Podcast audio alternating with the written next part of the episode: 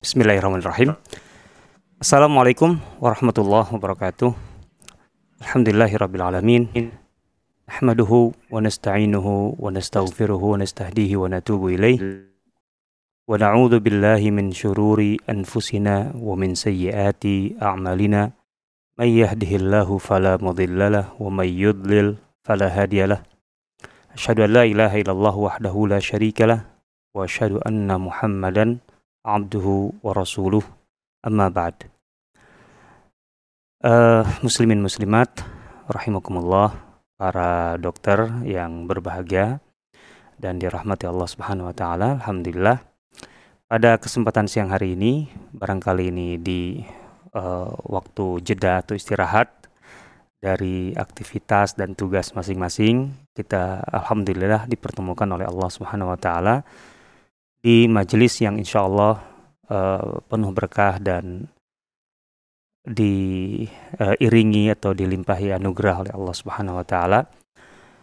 Uh, kita bisa bertolabul ilmi, kita menambah uh, perbendaharaan bekal kita untuk menghadap Allah Subhanahu Wa Taala. Ini adalah bagian dari uh, cara kita atau upaya kita untuk mempertegas uh, tujuan hidup kita.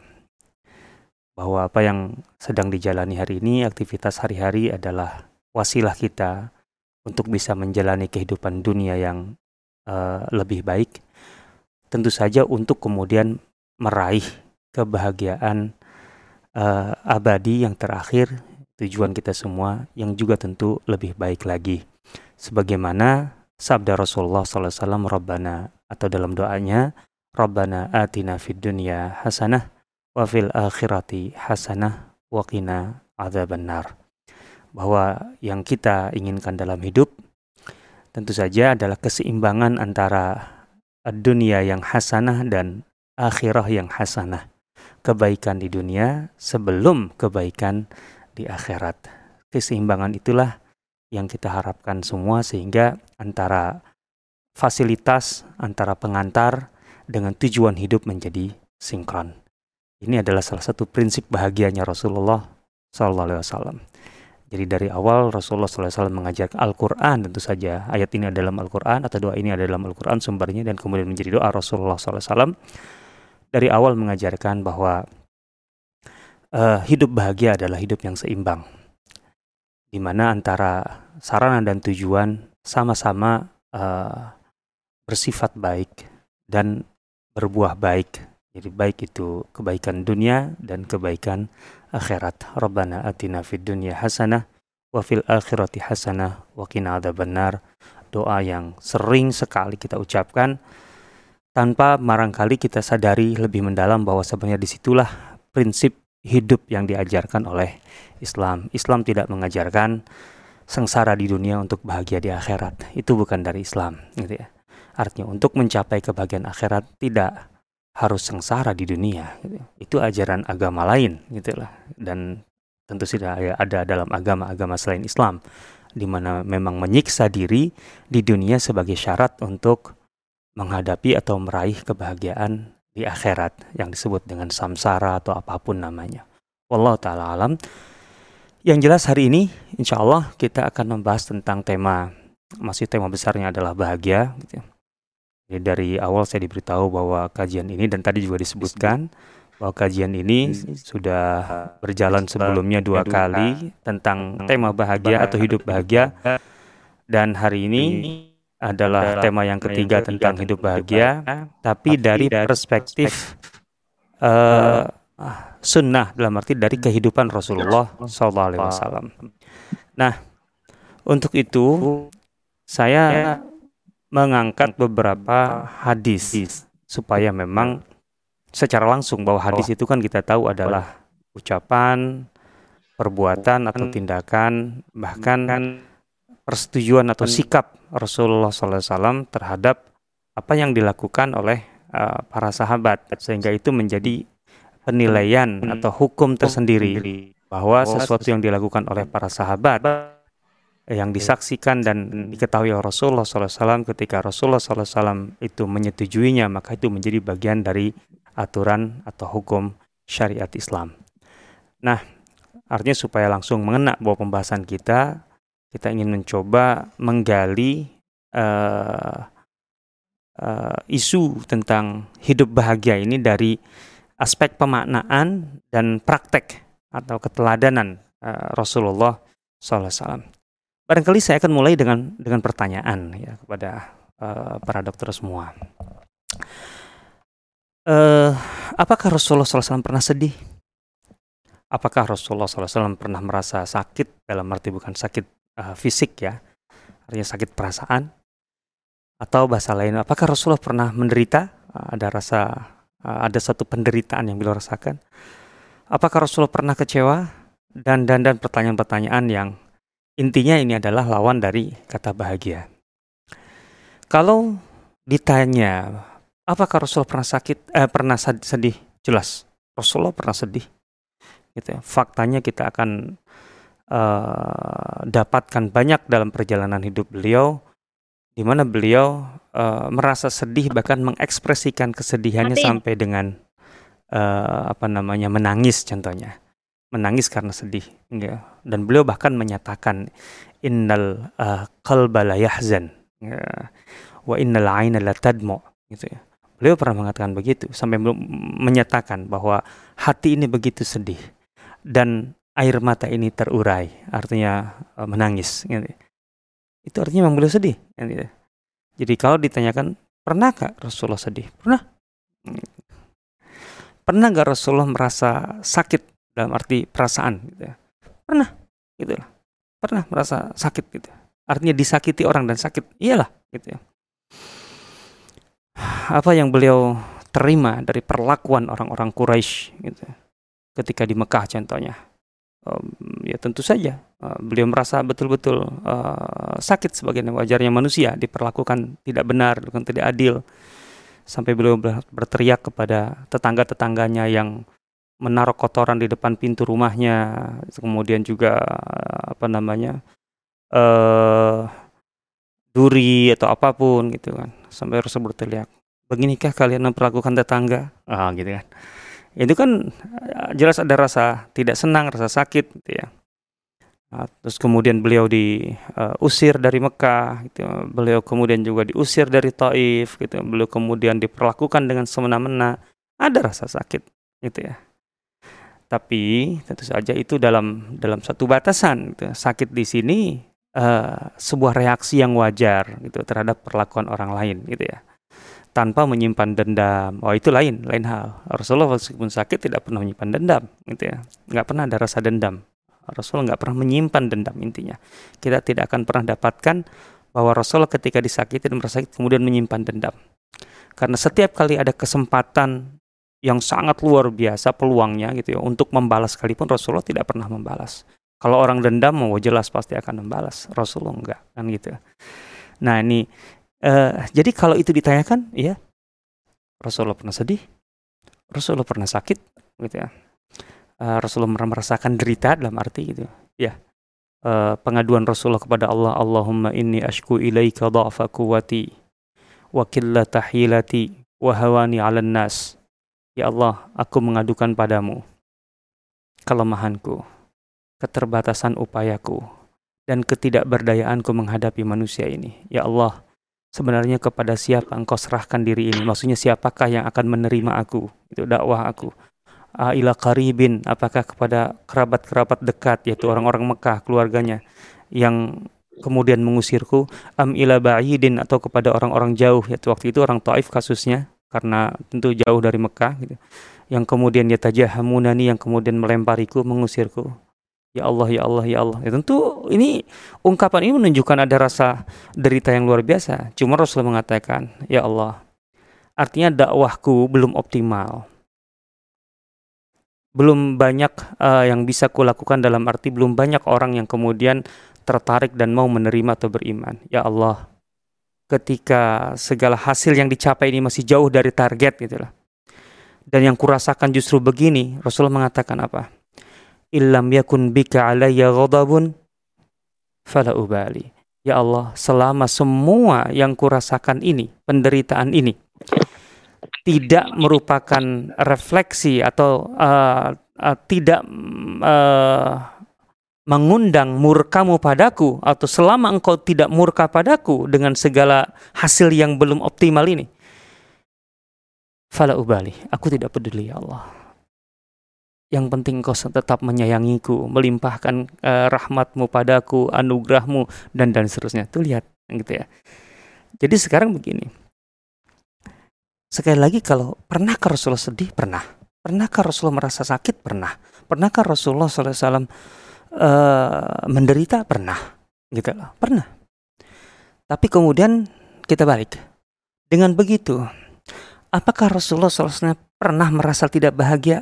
Nah, kalau pertanyaannya ini, saya pastikan jawabannya tidak. Rasul tidak pernah merasa tidak bahagia. Enggak. Kan tadi saya katakan bahwa rasa sedihnya, rasa sakitnya, deritanya itu kan reaksi terhadap sesuatu yang wajar secara manusiawi. Eh, Rasulullah manusia. Justru sisi kemanusiaannya ini yang yang kita perlukan sekali karena dengan begitu kita bisa menemukan keteladanan. Karena tidak bisa kita hidup selalu dalam posisi senang gitu ya. Tidak mungkin, tidak mungkin. Tidak mungkin kita selalu dalam posisi dihormati semua orang, disukai semua orang dalam setiap keadaan. Enggak mungkin. Maka ketika kita terpaksa artinya dalam satu kondisi tertentu gitu, kita bereaksi terhadap sesuatu yang tidak menyenangkan kita gitu. Dengan sedih, dengan rasa sakit dan seterusnya. Ada kewajaran. Ada kewajaran gitu ya. Tapi bukan berarti kemudian dengan begitu kehilangan rasa bahagia. Gitu ya ya ketika bereaksi artinya ketika uh, artinya sedih sebagai reaksi ya saat itu memang tidak mungkin bercampur aduk langsung sedih dan bahagia gitu ya tapi ini kan artinya terbatas betul rasa itu tapi di luar itu di luar reaksi itu Rasulullah SAW tidak pernah murung ya? gitu ya suara saya ada kedengaran dengar Ustaz. Oh, berarti enggak. Dengar Ustaz. Oke, oke, oke. Jelas, jelas sekali. Bagus, jelas. Baik. Ustaz. Jadi Rasulullah SAW itu tidak uh, tidak pernah gitu hidup um, atau menjalani hidup dengan murung gitu loh. Dalam arti kehilangan rasa bahagia gitu loh. Selain tadi dalam batas-batas reaktif gitu ya. Dan itu tidak banyak. Dan itu tidak banyak gitu ya. Jadi Rasulullah selalu bahagia. Ini yang menarik. Bagaimana gitu ya terlepas dari persoalan-persoalan yang kita hadapi secara reaktif itu memang wajar ya. Artinya kita ada rasa sedih ada rasa kehilangan ada rasa penderitaan menderita ada rasa apa-apa gitu. Atau bahkan sedikit kecewa itu. Dalam batas wajar. Tapi kemudian secara umum kita tidak kehilangan rasa bahagia. Ini yang harus kita pelajari dari Rasulullah SAW dari kehidupan Rasulullah SAW bagaimana bisa memaintain rasa bahagia? Gitu ya. sehingga kita tidak akan mendapatkan Rasulullah SAW berhari-hari murung dalam arti tidak bahagia. Kehilangan rasa bahagia. Gitu ya. Dalam menghadapi ujian sekalipun yang sifatnya itu sifatnya bukan ujian uh, yang terjadi sekilas gitu artinya yang dialami sehari dua hari tiga hari Rasulullah pernah bentrok dengan istri-istrinya itu dalam arti bentroknya ada ada persoalan yang harus ya katakanlah uh, ya sewajarnya hidup manusia. Kan ada sisi manusia kemanusiaan Rasulullah SAW kan? Di mana itu penting bagi kita saya katakan tadi bahwa kita sebagai manusia biasa bisa meneladani Rasulullah karena ada sisi itunya. Kalau Rasul itu sempurna dalam arti bukan manusia seperti malaikat nanti kita yang punya alasan. Kita tidak bisa menjadi orang baik karena utusan Allah itu malaikat yang tidak mungkin punya rasa lapar, tidak mungkin sakit, tidak mungkin uh, tidak beristri, nggak punya masalah dengan bini, misalnya kalau yang laki-laki atau perempuan juga tidak punya masalah dengan suami. Rasul manusia di satu sisi. Maka pernah satu bulan Rasulullah SAW sampai tidak mendatangi istri-istrinya, semuanya sama sekali. Satu bulan tuh waktu panjang loh. Tapi apakah selama satu bulan itu Rasulullah sedih? Enggak. Beliau hanya hanya menjalani satu persoalan dengan dengan istri-istrinya uh, yang itu dijalani secara biasa saja itu bagian dari persoalan yang harus dihadapi tanpa murung bersungut-sungut apalagi kemudian uh, istilahnya ngadu ke sana kemari enggak bahkan para sahabat sampai menduga-duga ini Rasulullah kenapa karena Rasul nggak pernah membocorkan apalagi masalah keluarga gitu. Itu bukan satu hal yang sampai harus kemudian semua orang tahu gitu. Para sahabat yang menduga-duga apakah Rasul menceraikan istri-istrinya sampai menduga-duga begitu. Ini artinya Rasul tidak membuat konferensi pers sebagai pemimpin itu untuk kemudian ada masalah apa dalam rumah tangganya Garung harus memberikan penjelasan, klarifikasi, nggak perlu. Itu masalah yang dianggap satu yang uh, dalam tanda petik jadi kayak biasa saja. Artinya satu yang wajar yang harus dihadapi oleh seorang dalam hidupnya. Termasuk seorang nabi ketika satu bulan penuh tidak mendatangi satupun istri-istrinya. Ini luar biasa ini. Karena Rasulullah SAW memberikan makna terhadap bahagia itu luar biasa. Saya akan akan singkat dalam dalam dalam masalah pemaknaan ini. Contohnya begini. Rasulullah SAW menganggap persoalan dunia yang pada dasarnya persoalan dunia itu kan secara umum dunia adalah mazra'ah dalam konsep Islam. Dunia itu seperti ladang. Di mana seorang uh, bercocok tanam di dalam ladang itu untuk memetik hasilnya. Ya hasilnya di akhirat tentu saja kalau dalam konteks ini gitu ya. Artinya bobot dunia itu sendiri, gitu, ya, semua yang terkait dengan dunia itu sebenarnya adalah uh, bobotnya penting sekali sebagai uh, satu-satunya kesempatan kesempatan kita untuk membuat bekal gitu ya.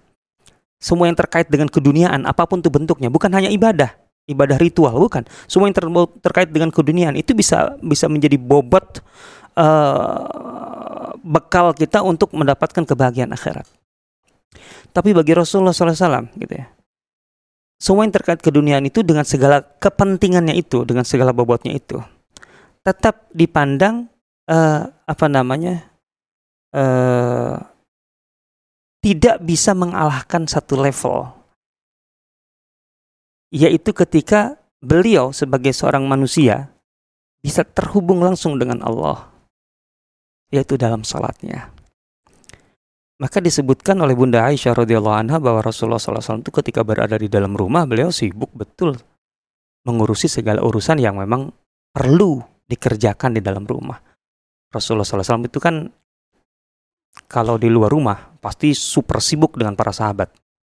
Banyak sekali urusan yang harus diurus itu kalau kita baca kalau bahasa kita agenda harian Rasulullah SAW. Ada beberapa buku yang menulis tentang itu. Aktivitas Rasulullah dibangun dari bangun uh, tidur pagi-pagi sampai tidur di tengah malam itu atau di malam-malam itu itu seperti apa itu? Kegiatan rutin sehari-hari gitu ya rutinnya. Itu sibuk sekali. Tapi Rasulullah SAW uh, kalau masuk ke dalam rumah pun bukan nyantai rebahan itu istilahnya. Enggak. Kata Bunda Aisyah kalau di rumah ada sesuatu yang memang harus dikerjakan, beliau tidak akan ngomong ke istrinya. Kok kamu nggak ngerjain ini? Kok nggak nggak nggak diberesin? Enggak, Rasulullah nggak begitu. Kalau masuk ke dalam rumah, di rumah ada sesuatu yang perlu dikerjakan, dibereskan, beliau akan mengerjakannya sendiri. Itu Rasulullah SAW. Padahal di luar sibuk. Nah, akan begitu aktivitas Rasulullah SAW itu. Sampai apa kata Bunda Aisyah? Sampai terdengar azan. Kalau azan terdengar azan, beliau akan seakan-akan melupakan segalanya. Gitu ya. Kenapa?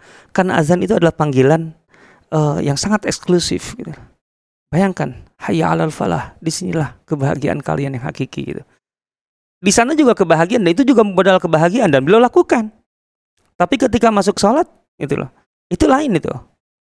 Ada kebahagiaan tersendiri karena sholat adalah momentum yang sangat private gitu antara hamba dengan Tuhannya. Gitu loh di situ betul-betul sangat privat, sangat privat. Ini masalah perorangan. Ya. Walaupun kita sholat berjamaah sekalipun, tapi kan ini beda masing-masing. Saya yakin lah kita sholat berjamaah, tapi nggak mungkin kualitasnya sama. Gitu lah. Sehingga Rasul mengatakan ke Bilal, kepada Bilal muazinnya itu kalau waktu azan atau waktu sholat sudah tiba, tapi Bilal belum azan, arih Nabi ya Bilal. Bilal azan lah. Jadikan kita semua bisa rehat gitu lah dari seakan-akan apa hiruk pikuk dunia ini gitu Bukan dunia tidak penting. Tadi saya katakan Rasulullah sibuk, sibuk. Rasulullah itu nggak ada, nggak ada suasana rebahan. Kan kadang-kadang e, masyarakat yang timpang, yang tidak seimbang cara pandangnya itu. Ketika membicarakan tentang pentingnya akhirat, itu dunia dianggap tidak penting itu dalam arti kemudian jadi terlalu santai dengan dunia. Rasulullah mah enggak. Rasulullah SAW itu menganggap dunia itu rendah ketika dibandingkan dengan akhirat. Tapi bukan berarti dunia itu kemudian jadi seakan-akan tidak berbobot. Enggak, itu mazra'ah. Tempat kita sibuk untuk menanam bekal kan gitu. Ya sholat pun juga kan dalam konteks keduniaan artinya kita di dalam waktu kehidupan kita di dunia kan. Nah itu contohnya. Artinya apa? Rasulullah memaknai kebahagiaan itu uh, sebagai sesuatu yang sempurna. Ya uh, Imam Al Ghazali yang terkenal dengan bukunya Ihya Ulumuddin gitu itu menjelaskan tentang bahagia itu sebagai uh, tujuan hidup. Sebenarnya tidak bisa dipungkiri ya menurut Al Ghazali kalau kita paparkan ya uh, Imam Al Ghazali rahimahullah tidak bisa kita pungkiri bahwa semua manusia semua dengan latar belakang apa pun siapa pun semuanya tujuan hidupnya adalah bahagia kok apa pun yang dilakukan oleh manusia dalam kehidupannya, siapa pun itu dengan agama apa pun latar belakangnya, tentu ingin bahagia. Yang menjadi persoalan adalah memaknai bahagia itu. Maka Imam Al-Ghazali mengatakan maka kebahagiaan yang sempurna, kebahagiaan yang utuh adalah kebahagiaan akhirat. Itulah. Artinya maksudnya bukan berarti kebahagiaan dunia nggak penting yang ada Al-Ghazali mengkritisi kalau orang itu menghentikan atau membatasi kebahagiaan itu hanya pada kebahagiaan dunia, rugi. Kalau Anda jor-joran, itu istilahnya, ya, mati-matian untuk meraih kebahagiaan dunia, rugi dong. Apabila kemudian tidak disertai dengan setidaknya sikap yang sama, jor-joran, mati-matian untuk mengejar kebahagiaan akhirat. Anda untuk dunia aja jor-joran. Padahal kebahagiaan dunia itu terbatas Itulah. Kebahagiaan dunia itu tidak murni. Pasti ada riaknya kebahagiaan dunia itu. Sebahagia kebahagiaannya orang bisa jalan-jalan ke luar negeri ke mana pun, tetap ada rasa cemasnya, tetap ada rasa lelahnya, tetap ada rasa pasti, pasti. Tapi kalau kebahagiaannya adalah kebahagiaan akhirat, nah itu kebahagiaan sempurna dan murni. Kebahagiaan yang tidak terbatas waktu selama-lamanya, kebahagiaan puncak gitu ya uh, indahnya tidak ada yang mengotori gitu loh. Tapi tidak ada riak gitu, tidak ada ya kelelahan. Maka kalau uh, mencanangkan hidup bahagia, maka jangan berhenti di kebahagiaan dunia. Jadikan tujuan uh, kebahagiaan itu atau puncak kebahagiaan itu adalah kebahagiaan akhirat. Ini dia, gitulah. Ini dia. Sekali lagi, ini bukan atau kebahagiaan akhirat itu tidak menafikan, tidak eh, apa namanya menegasikan kebahagiaan dunia. Sama sekali enggak. Karena dunia adalah tempat kita berupaya menanam modal untuk kebahagiaan akhirat. Nah, ini dia. Makanya dari situ eh, tadi segala penderitaan, segala kesulitan, segala musibah, segala persoalan yang tidak mengenakan, itu dialami dia dialami dan kemudian dijalani Rasulullah SAW sebagai satu ya, bagian dari kewajaran hidup. Sementara Rasulullah SAW gitu sepanjang waktunya yang ada selalu bahagia, ya. selalu bahagia. Nah ini dia. Ini yang harus kita pelajari dengan baik. Kita harus melatih diri. Kita ini sepanjang waktu yang kita alami, kita terlalu kita jalani, kita sehari 24 jam. Itu sebenarnya lebih banyak bahagia atau lebih banyak rasa kecewa, ngeluh, menderita. Wah, ini dia, ini yang harus kita pelajari. Kita harus eh, apa namanya? Kita harus maknai dengan baik tadi. Bahwa seharusnya kita lebih banyak rasa bahagia. Betul ada eh, persoalan-persoalan yang kita harus sikapi atau wajar kalau kita sikapi dengan tadi mengeluh, kecewa dan tapi itu reaksi aja. Selain itu pada dasarnya harus bahagia. Karena kehidupan ini kan anugerah dari Allah. Kehidupan ini adalah manifestasi kasih sayang Allah. Di antara asma Allah yang paling sering muncul, yang paling sering kita baca adalah Ar-Rahman Ar-Rahim, selain kata Allah. Bahkan sering sekali nempel dalam basmalah. Bismillahi Ar-Rahman Ar-Rahim. Ar-Rahman Ar-Rahim itu kan asal katanya sama, rahmah, yang artinya kasih sayang. Artinya semua yang diciptakan oleh Allah itu berdasarkan kasih sayangnya. Pada hakikatnya semua ini anugerah kasih sayang. Maka kalau kita tahu bahwa kehidupan atau kita menyadari bahwa kehidupan ini kasih sayang dari Allah, sebenarnya yang Allah ambil yang kemudian menjadi rasa sakit, derita dan lain sebagainya, itu tidak tidak menghapus kasih sayang sebagai dasarnya itu. Itu masih dalam koridor kasih sayang Allah. Allah ingin menggantikan dengan yang lain. Itulah. Dengan musibah yang diberikan itu. Tidak lepas dari kasih sayang Allah. Maka di situ kalau kita memaknai bahagia itu ada rasa senang, surur, ada ridho gitu ya. Terus kemudian sabar gitu ya. Kemudian apa lagi? Qanaah gitu ya. Itu adalah semua pemaknaan yang terkait dengan bahagia. Dan tentu saja syukur. Itu sikap orang bahagia adalah mensyukuri. Karena syukur artinya adalah pengakuan terhadap setiap eh, segala sesuatu yang kita uh, jalani, yang kita alami, yang kita terima adalah bagian dari rahmat Allah. Maka kita mensyukuri. Dan dengan syukur itu justru nikmat akan bertambah. Repotnya kita ini manusia ini kita kita kita ini misalnya umum sering mengeluh tetapi ekspektasinya ingin lebih bahagia. Loh kalau ingin lebih bahagia kurangi mengeluh, banyak bersyukur. Sebenarnya begitu seberat apa pun musibah dan derita yang kita terima. Nah gitu lah. Nah ini ini konsep umumnya nih. Ini sisi pemaknaannya. Makanya kalau kita lihat apa sih yang dimaksud dengan bahagia oleh Rasulullah SAW? Ternyata kan memang sempurna, lengkap, gitu ya, lengkap. Kebahagiaan itu mencakup urusan-urusan dunia dan mencakup urusan ah, dengan tujuan akhirat nih. Sekalipun dunia tujuan akhiratnya, apalagi kebahagiaan akhirat. Coba dalam hadis riwayat Ibn Hibban, Al-Hakim, Al-Tabrani, Al-Baihaqi, hadis ini sahih. Rasulullah menyatakan arbaun minas sa'adah.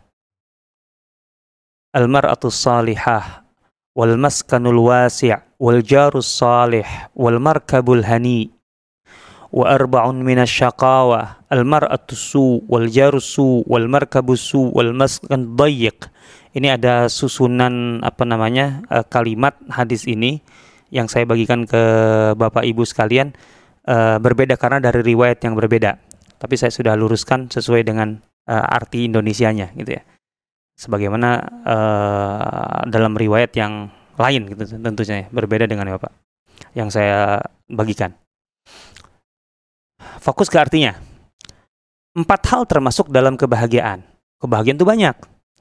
Ini menarik nih Eh, termasuk dalam kebahagiaan di sini kelihatan sekali. Ini kebahagiaan duniawi ini sebenarnya. Tapi Rasul menyebutkan kebahagiaan. Yang pertama istri salehah. Kedua adalah tempat tinggal luas, yang luas. Ketiga tetangga yang baik. Keempat kendaraan yang nyaman.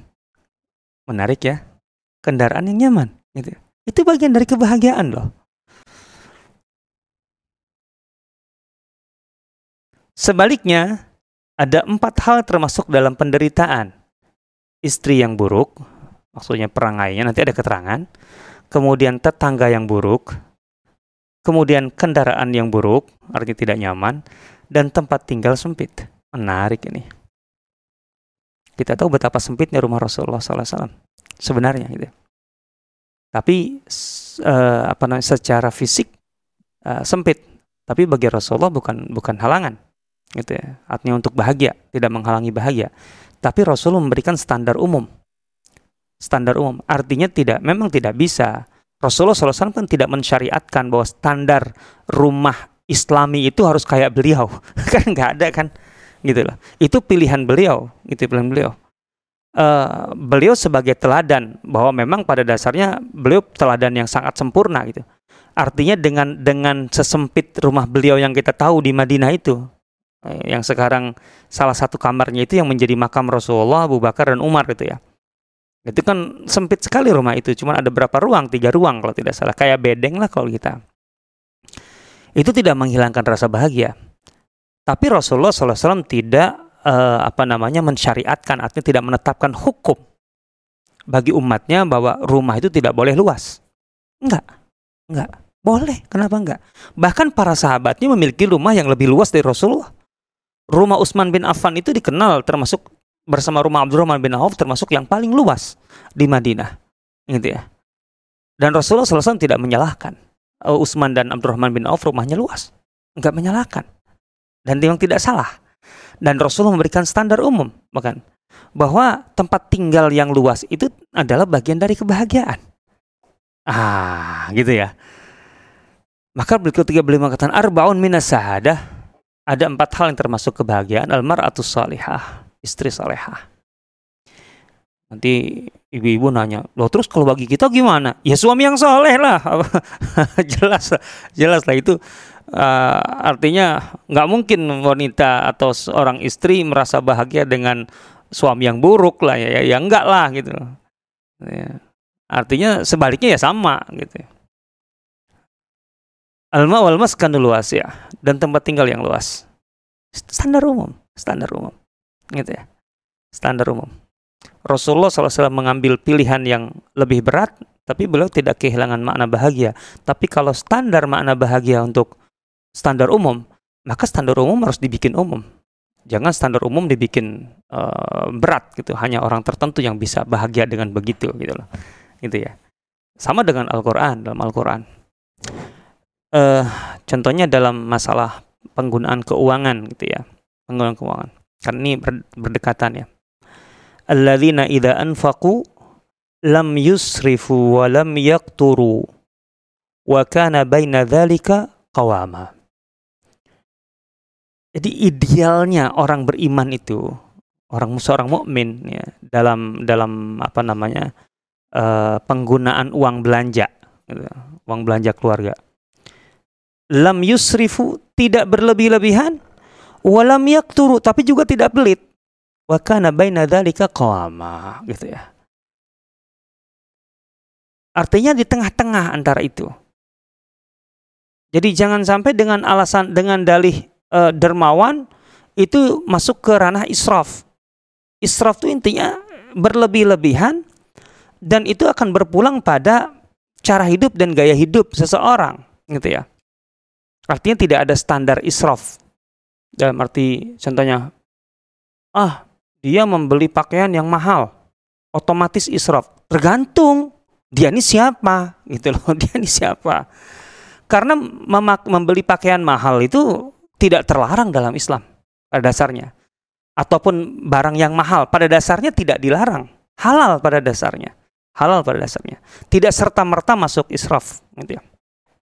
Jangan salah ya, Utsman bin Affan pernah membelikan istrinya uh, Nailah binti Farafisah itu baju seharga sekitar uh, kalau tidak salah sekitar um, an, uh, kisarannya sekitar 20 uh, maaf 50 dinar atau 100 dinar lah gitu ya. 100 dinar lah gitu.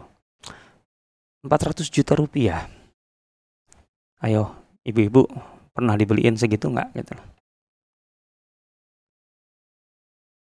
Bahkan Rasulullah SAW pernah, pernah gitu ya, memakai baju jubah saya katakan dan beliau tahu harganya itu 50 dinar. 50 dinar itu sekarang 200 juta loh. Kalau saya katakan pernah pakai, Rasulullah pernah pakai itu.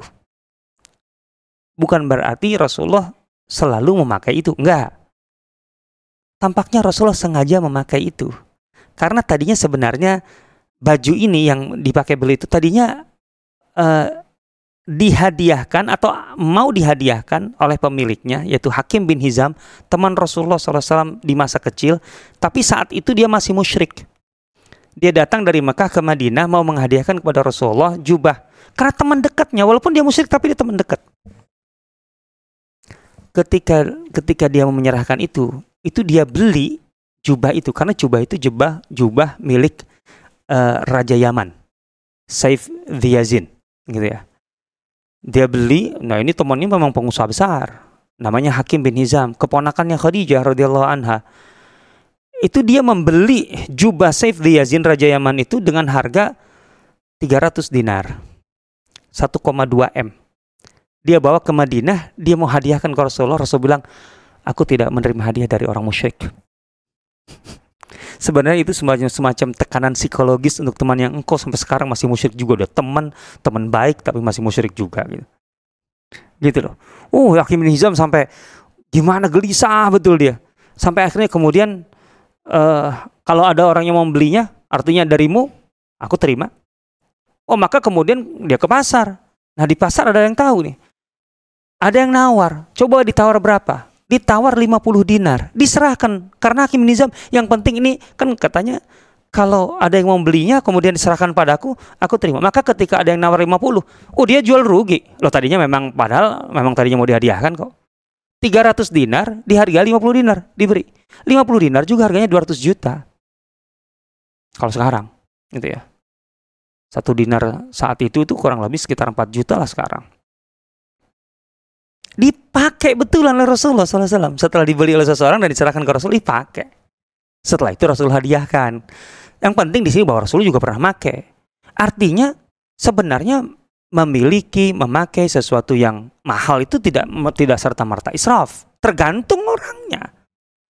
Utsman bin Affan membelikan baju untuk istrinya eh, 400 juta tadi, 100 dinar. Taruhlah begitu ya. Itu israf. Kita lihat dulu Utsman bin Affan. Utsman bin Affan itu sepanjang hidupnya, ini contohnya, memerdekakan budak aja sampai 2.500 orang minimal. As-Sakhawi pernah menghitung sekitar 2.400 orang. Budak loh, sepanjang hidupnya. Padahal harga budak satunya itu 200 jutaan kalau kita pakai pakai standar Bilal. Bilal itu sekitar 200 juta harganya ketika dibeli oleh Abu Bakar. Bayangkan 2.500 kurang lebih budak kali 200 juta pakai standar itu. Uh, berapa ya? ya kalau 1000 kali 200 juta kan sudah 200 miliar kan? Ingat ya. Berarti sekitar uh, eh, 500 miliar kan? itu uang yang digunakan Usman bin Affan untuk memerdekakan budak 500 miliar. Kalau dia beli baju uh, eh, 400 juta kayaknya bukan sesuatu yang berlebihan kalau bagi Usman kan gitu ya. Nah ini dia. Jadi lihat. Sehingga dari situ sebenarnya uh, tidak ada standar yang pasti bahwa itu berlebihan atau tidak gitu. Tapi yang jelas dikembalikan kepada kondisi masing-masing di mana dia mengambil pertahanan lain yusrifu tidak berlebihan walam yakturu juga tidak pelit karena ini urusan dunia enggak. Pokoknya urusan dunia saya yang yang yang uh, sifatnya menderita aja gitu. Nggak boleh makan enak istrinya anaknya gitu. Nggak boleh fasilitas yang bagus. Kenapa gitu? Kawakana baina dzalika qawama. Ah itu ini menarik sekali tuh. Ini standar umum soalnya. Standar umum. Standar ini ketika kemudian difahami oleh uh, atau diamalkan oleh beberapa sahabat seperti Abu Bakar, seperti Abu Dhar, memang mereka standarnya uh, tidak sesuai ini, tapi mereka sanggup untuk menjaga agar kemudian tidak keliru. Karena gini, kalau orang kemudian hidupnya sengaja ingin hidup miskin, contohnya seperti Abu Dhar, sengaja ingin hidup miskin. Hidup miskin harus full ikhlas. Kalau miskin tapi kemudian tidak ikhlas, kemudian panas kalau orang kemudian uh, memiliki ini dan itu, itu mah bukan bukan miskin dalam arti yang terpuji, nggak akan terpuji kalau gitu. Udah mah miskin kemudian banyak dosa karena iri, dengki gitu ya. Kemudian tidak kona'ah, bahaya itu gitulah. Nah, ini dia. Jadi mana bahagia itu menjadi indah dalam hal ini gitu ya. Wanita saleha atau istri saleha, rumah yang uh, luas, kemudian tetangga yang baik, gitu ya. dan kemudian kendaraan yang nyaman. Wal markab al hani. Itu kata Rasulullah SAW. Jadi uh, artinya orang-orang untuk bahagia itu nggak mesti tadi menderita gitu loh. Orang menderita berarti orang baik dan kemudian di situlah karena dia baik menjadi bahagia gitu. Nggak mesti. Ya kalau markab hani kendaraan yang nyaman, ya kan kita tahu ya nggak nggak nggak bisa lah gitu orang di level tertentu kemudian memakai odong-odong itu nyaman gitu contohnya kayak gitu. Ya kenapa harus odong-odong kalau memang dia bisa beli mobil yang lebih uh, dan dan dia punya dan kemudian gaya hidupnya artinya dia sedekahnya banyak dan sebagainya membeli mobil yang bagus kan gitu. Nggak masalah pada dasarnya nggak haram pada dasarnya gitu ya. nah dan sebaliknya ada empat dari termasuk penderitaan. Istri yang buruk, tetangga yang buruk, kendaraan tidak nyaman, dan tempat tinggal yang sempit. Gitu lah. Nah ini dia. Dalam keterangannya Rasulullah SAW menerangkan kemudian famina sa'adati almar'atu salihah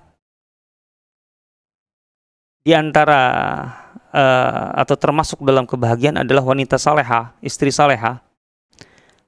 Rasulullah menjelaskan definisi wanita atau uh, istri yang saleha itu. Taraha fatu'jibuka wa taghibu anha fata'manuha ala nafsiha wa malika. Istri saleha itu adalah istri yang apabila kau pandang dia menarik bagimu. Hmm. Tentu ini laki-laki ya. Pokoknya kalau lihat istri itu menarik ya. Makanya jangan sampai ada yang lebih menarik dari istrinya gitu loh. Nah, ini juga tentu saja eh, apa namanya mengundang pengorbanan dari suami. Kalau ingin istrinya menarik ya bagaimana difasilitasi untuk menarik di satu sisi, ya. Dah di sisi lain istrinya juga jangan sampai berdandan, berpenampilan menarik untuk kerja dilihat oleh teman sejawat, oleh bos, oleh atasan, tetapi pas pulang ke rumah nggak apa-apa, nggak menarik bagi suami kan. Artinya suami dikasih sisa-sisa uh, uh, bau di tempat kerja kan jangan dong. Itu juga di satu sisi istrinya. Maka harus merawat, menjaga diri untuk suami sehingga ketika dilihat suami dipandang itu menarik gitu ya. Dan tadi sekali lagi juga suami harus apa namanya harus uh, ya berkorban lah dikit. Pengen istrinya menarik tapi nggak difasilitasi kan juga repot gitu ya. Disuruh apa namanya kalau orang Sunda dihawu gitu kan niup itu ya kalau disuruh gitu melulu mah ya kapan menariknya gitu ya. Pasti bau inilah bau dapur terus kan gitu ya. Nah, Makanya Ibnu Abbas itu menarik ya. Ibnu Abbas itu kalau di rumah itu berdandan dalam arti sampai pakai parfum yang bagus ketika di rumah tuh. Kenapa? Kata Ibnu Abbas, aku ingin uh, apa nama dirasakan menarik oleh istriku sebagaimana aku ingin uh, apa namanya melihat istriku juga menarik bagiku. Gitu. Jadi tidak menun, tidak hanya menuntut istri untuk menarik, sementara dianya nggak menarik bagi istrinya. Gitu. Wah itu juga Ibnu Abbas tuh sampai begitu, sampai artinya di rumah itu Ibnu Abbas itu apa ya? Ya tampil dengan inilah gitu ya, artinya dengan dengan uh, ya apa bahasanya yang yang tepat lah. Ya. Pokoknya tampil menarik lah, parfumnya wangi, enak di rumah. Ya bukan hanya sedang keluar, hanya keluar parfumnya ter, tercium ter, ini oleh teman-teman kerja gitu kan. Hmm, pas di lift itu terasa seng semuanya. Wah tahu nih. Tapi ketika di rumah wah nggak make.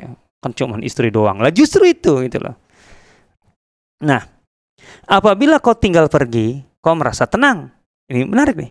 Sehingga ketika ditinggal pergi istri itu ketika suami itu harus keluar rumah gitu kau merasa tenang kenapa karena istri akan menjaga dirinya dan hartamu asik kan gitu loh nah itu makanya kalau orang kayak gitu pasti bahagia. Ya. Sementara, nah sebaliknya wanita yang buruk adalah taraha fatasu'uk. Apabila engkau memandangnya dia tampak tidak menarik bagimu. Wa lisanaha alaik, ucapannya menyakitimu. Wa in anha, dan jika engkau pergi meninggalkan uh, istrimu, maksudnya engkau tinggal pergi, lam ta'manha ala nafsiha wa malika. Kau tidak yakin dia akan menjaga dirinya dan hartamu. Waduh, kalau ini menderita udah nggak mungkin bahagia. Nah, yang kedua, ini contoh lain. Rasulullah SAW memberikan uh, penjelasan tentang arti bahagia itu. Adalah ketika seorang terhindar dari fitnah. Gitu ya. Terhindar dari fitnah. Dan bersabar ketika tertimpa ujian, musibah, gitu ya. Itu adalah hakikat bahagia kata Rasulullah SAW.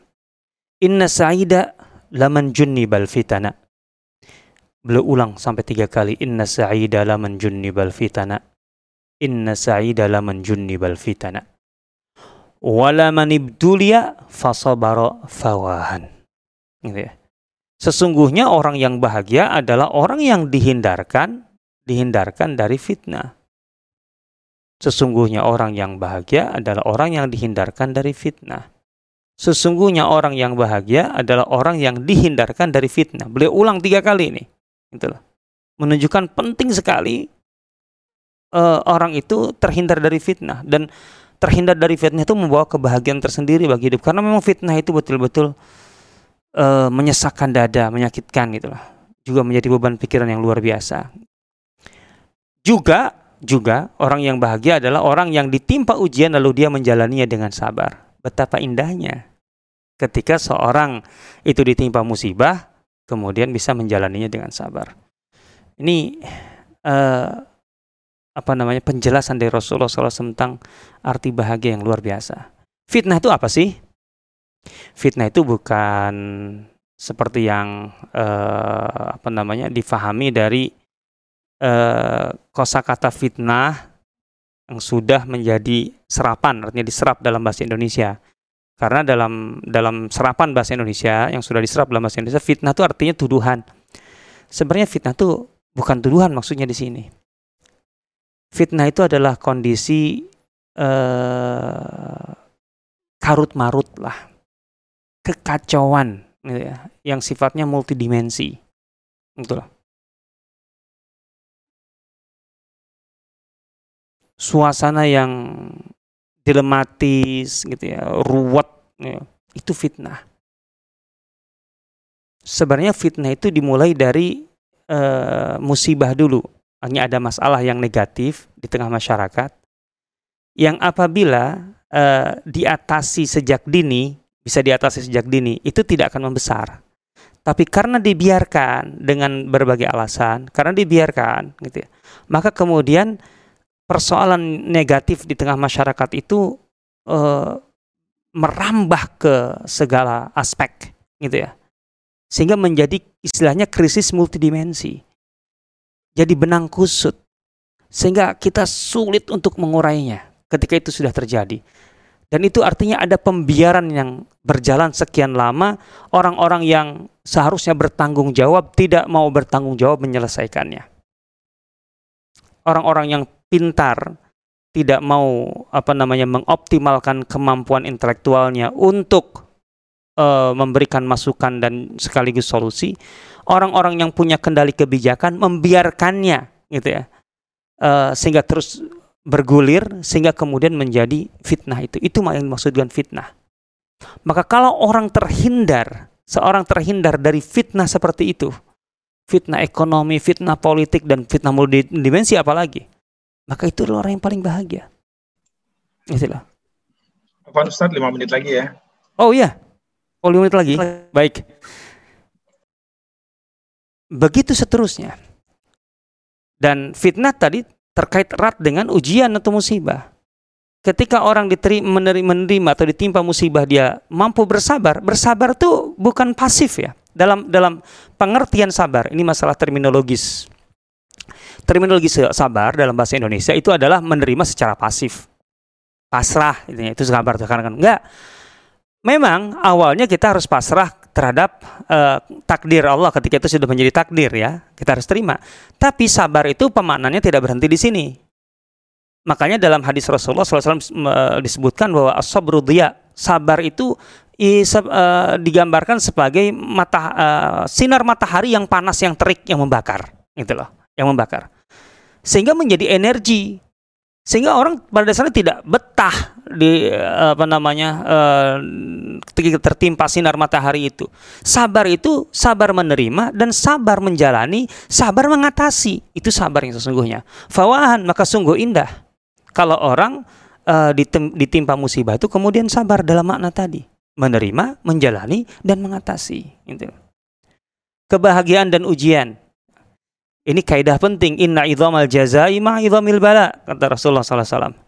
Wa inna Allah idha ahabba qawman ibtalahum. Faman radhiya falahu ridha. Wa man sakhita falahu sukht. Sesungguhnya besarnya balasan yang diterima hamba sesuai dengan besarnya ujian. Jadi ketika ditimpa ujian itu sebagai orang mukmin sebenarnya jangan pesimistis dan frustasi. Karena sebenarnya ini adalah peluang untuk mendapatkan balasan yang lebih besar. Semakin besar ujian berarti semakin besar peluang balasan dari Allah. Sesungguhnya ketika Allah menyukai satu kaum maka Allah akan menguji mereka. Siapa yang di antara yang diuji itu menjalaninya dengan ridha, maka dia akan dibalas dengan keridhaan dari Allah. Siapa yang menjalaninya dengan kecewa, maka dia akan dibalas dengan kemurkaan dari Allah. Lihat ini, menarik sekali sebenarnya. Eh, sehingga ketika mendapat ujian sekalipun tidak akan kehilangan rasa bahagia ketika kita berusaha untuk mengatasinya. Kemudian Rasulullah SAW juga bersabda, kebahagiaan itu terkait dengan pengorbanan. Artinya bagaimana pengorbanan itu menjadi uh, kebahagiaan. Ini menarik loh. Man sarrahu ayyub satalahu fi rizqihi wa awayun wa an yunsa'alahu fi atharihi falyasil rahimah. Siapa yang ingin merasa senang, bahagia dengan mendapatkan rezeki yang lapang dan berumur panjang. Siapa yang tidak mau? Tentu bahagia dengan itu. Rezekinya lapang, kemudian umurnya panjang. Hendaklah dia menjalin hubungan baik dengan keluarga, silaturahim. Menjalin hubungan baik dengan keluarga itu pengorbanan keluarga menyakiti, kita tetap um, berbuat baik pada dia. Sampai Abu Bakar itu apa namanya ketika tersakiti oleh orang yang dia uh, apa namanya santuni yaitu mistah keluarganya itu sepupunya sepupu jauh. Itu kemudian ketika mistah salah gitu. Dan kemudian menyakiti Abu Bakar Abu Bakar tadinya mau menghentikan santunannya itu. Sampai Allah menegurnya dalam surah An-Nur ayat 22 walaya tadi ul fadli minkum. Jangan sampai orang diberi kelebihan oleh Allah itu kemudian bersumpah untuk menghentikan santunannya kepada orang-orang yang memberhak, keluarga, orang miskin dan seterusnya. Allah tuhibuna yaghfirullahu lakum. Tidakkah engkau tetap ingin dengan tetap menyantuni orang yang pernah menyakitimu karena memang dia keluargamu, karena memang dia memang berhak untuk mendapatkan santunan darimu. Tidakkah dengan cara begitu engkau lebih ingin Allah mengampuni dosamu? Ketimbang sekedar puas menghentikan santunan kepada orang yang menyakiti padahal dia keluargamu. Oh, Allahu Akbar. Maka Abu Bakar mengatakan, Bala ya Rabb, Tentu ya Allah, aku lebih ingin ampunanmu ketimbang sekedar puas menghentikan santunan kepada keluarga karena pernah menyakiti. Rasa aman. Man asbaha minkum aminan fi sirbihi mu'afan fi jasadihi. Indahu qutu yaumihi faka'annama hizat lahu dunya Rasa aman ini penting. Ini adalah kebahagiaan yang luar biasa. Siapa yang merasakan aman di tengah keluarganya, sehat badannya, dan memiliki makanan yang cukup untuk melewati harinya, maka seakan-akan seisi dunia diberikan kepadanya. Ya iyalah sebenarnya, kan harian kita kan begini. Kalau setiap hari yang kita lewati itu kita rasa aman, sehat, kemudian setiap hari ada makanan yang cukup untuk melewati hari itu, sebenarnya sudah selesai urusan dunia kan? Tapi ketamakan manusia yang membuat segalanya kurang. Yang terakhir, nah, kebahagiaan itu adalah ketika amalan terakhir kita atau ketika menjelang akhir hayat kita, kita dimudahkan oleh Allah untuk beramal soleh. Para dokter sekalian, ini yang harus kita jaga. Bahwa kita tidak tahu ajal kita masing-masing kapan. Anggap saja ini adalah bagian akhir dari fase kehidupan kita. Maka kita harus bisa merasakan apakah di saat-saat ini kita dimudahkan oleh Allah untuk beramal soleh atau kemudian kita merasa kesulitan, merasa berat untuk beramal soleh. Ini parameter. Kalau kita ingin ingin uh, tahu bahwa kita ini sebenarnya akan bahagia, kita bahagia atau tidak sih? Ya ini, bobot amal kita ini kita dimudahkan untuk beramal soleh atau tidak? Kalau kita merasa merasa berat dan sulit beramal soleh, berarti ini ini warning ini bahaya. Idza aradallahu bi 'abdin khairan istamalah Faqila kaifa yasta'miluhu ya Rasulullah? Qala yuwaffiquhu li'amalin salihin qabla al-maut. Dalam riwayat At-Tirmidzi, jika Allah menghendaki kebaikan bagi seorang hamba, maka Allah akan memberinya pekerjaan. Loh, yastamil itu memberikan pekerjaan kayak bos memberikan proyek gitu ya. Sahabat bertanya, makanya bingung, bagaimana Allah memberikan memberikan pekerjaan gitu kepada hamba seorang manusia. Wahai Rasulullah, Rasulullah menjawab, Allah memberinya taufik, maksudnya di sini kemudahan untuk mengerjakan amal soleh saat mendekati masa kematiannya. Gitu ya. Jadi ya masalahnya kita nggak tahu kan ajal kita. Anggap saja ini adalah bagian akhir dari fase hidup kita. Kalau kita masih merasa sulit untuk beramal soleh, ini adalah lampu kuning atau bahkan anggap aja lampu merah maka kita harus apa namanya melatih diri untuk merasa ringan untuk beramal soleh sehingga dengan begitu itu artinya alamat atau tanda bahagia karena Allah Subhanahu wa taala memudahkan kita untuk beramal saleh. Wallahu taala alam. Demikian uh, Dokter Devi. Silakan. Syukran jazakumullah Ustaz. Sebenarnya masih banyak nih yang akan dibahas nih. Jadi waktu satu jamnya kayaknya kurang ya Ustaz ya. Baik Ustaz. Jadi ada beberapa pertanyaan Ustaz. Yeah. Kita lanjutkan dalam sesi pertanyaan Ustaz ya. Silakan silakan mudah-mudahan uh, kita bisa satu jam ke depan Ustaz ya. Silakan silakan. Ah, uh, dari Dokter Desi, Ustaz, bagaimana bisa menghadirkan perasaan bahagia meski hmm. doa belum dikabulkan oleh Allah? Dan ini hampir sama dengan satu lagi, Ustadz, apa yang dilakukan Rasulullah? Ketutup, ketutup. Apa yang dilakukan Rasulullah dalam mengelola hati ketika bersedih agar tidak berlarut-larut dan hmm. segera merasakan kebahagiaan kembali? Baik. Ya, itu, itu dulu, Ustadz. Ya, oke. Okay. Pertanyaan pertama, saya balik bertanya nih, bagaimana tahu doa kita tidak dikabulkan? Kok kayak sepertinya tahu doa kita nggak dikabulkan? Padahal Allah mengatakan ud'uni astajib lakum. Ini kaidah jelas. Dan ini adalah pernyataan Allah dalam Al-Qur'an. Ud'uni astajib lakum. Mintalah padaku, aku akan mengabulkan doamu. Terus kemudian kita berpikir kok doa kita tidak dikabulkan. Nah, kita harus paham nih fikih doa gitu loh. Apa itu? Ketika kita berdoa, ingat doa itu adalah salah satu bentuk ibadah yang paling utama. Gitu ya. Bahkan doa itu adalah mukhul ibadah karena uh, doa itu adalah manifestasi iman tertinggi. Karena dengan doa artinya kita mengakui kita ini sebagai hamba, sebenar-benarnya hamba yang fakir, yang tidak berdaya, karena itu kita berdoa memohon kepada Allah dalam arti kita mengakui bahwa Allah adalah maha segala-galanya. Dan itu adalah salah satu esensi, dari tauhid. Makanya Rasul mengatakan doa umuh ibadah. Doa itu sumsumnya ibadah. Muh. Atau bahkan muh itu sebenarnya sering diartikan sumsum gitu ya. Uh, muh itu sebenarnya adalah uh, otak ya. Uh, otak otaknya ibadah gitu loh. Muh itu. Uh, dalam bahasa Arab gitu. Uh, mukh itu diartikan sebagai brain gitu lah. Uh, jadi uh, esensial sekali gitu loh. Uh, karena itu tadi bahwa dengan berdoa itu kita mengakui kehambaan kita dalam arti sesungguhnya bahwa kita fakir kita tidak berdaya makanya kita memohon dan memohonnya kepada yang maha bahwa kita mengakui Allah maha segala-galanya maka ketika berdoa itu pertama kali gitu kita tidak boleh berdoa, ini adab doa ya. Tidak boleh berdoa, tapi kemudian di saat yang sama ragu bahwa doa itu diterima nggak ya? Diterima nggak boleh itu adabnya. Hati-hati. Kalau kita berdoa, tapi di saat yang sama kita nggak yakin-yakin amat doa itu akan dikabulkan. Bisa jadi ini sebenarnya yang menjadi dalam tanda petik gitu loh. Uh, yang kita rasakan bahwa doa kita tidak dikabulkan. Saya ingat dalam tanda petik gitu. Karena memang saya persoalkan dari redaksi ini gitu ya. Gitu.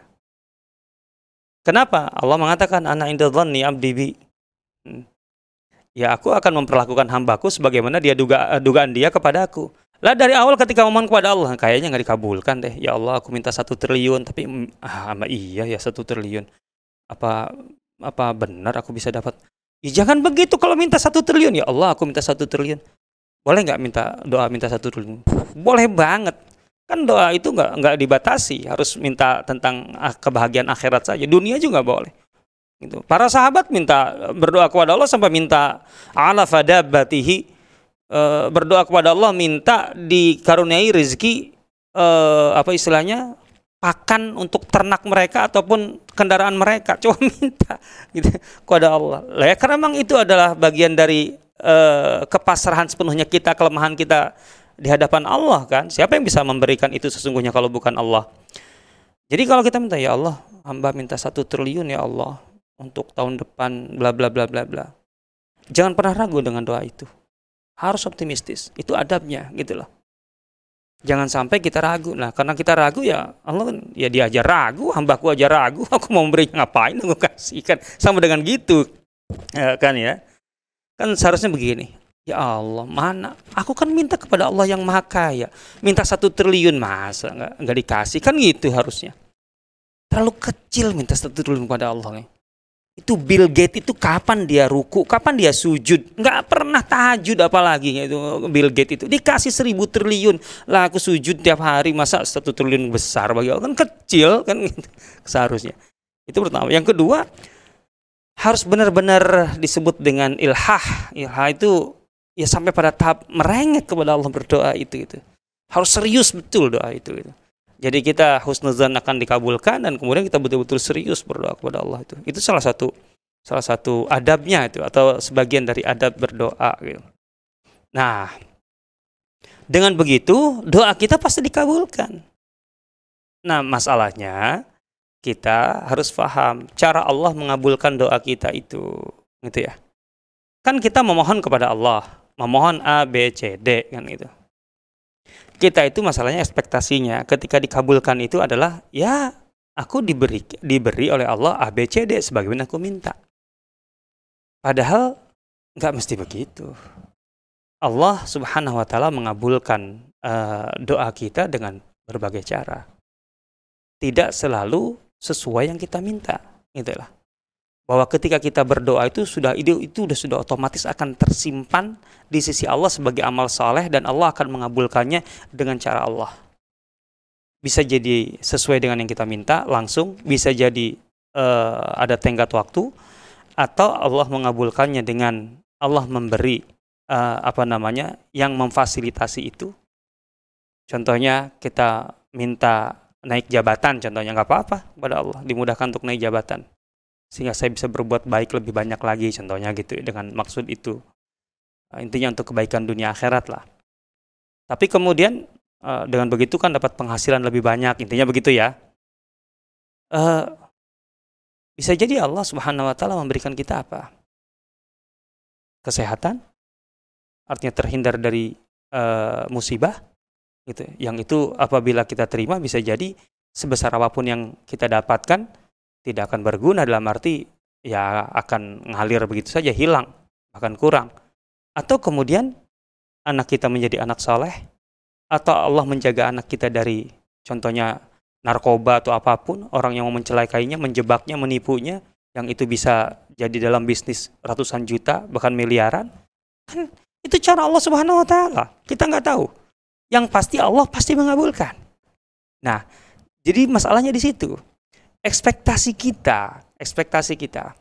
Jangan sampai kita berpikir bahwa dikabulkannya doa itu adalah persis seperti yang kita minta dan secepat yang kita inginkan.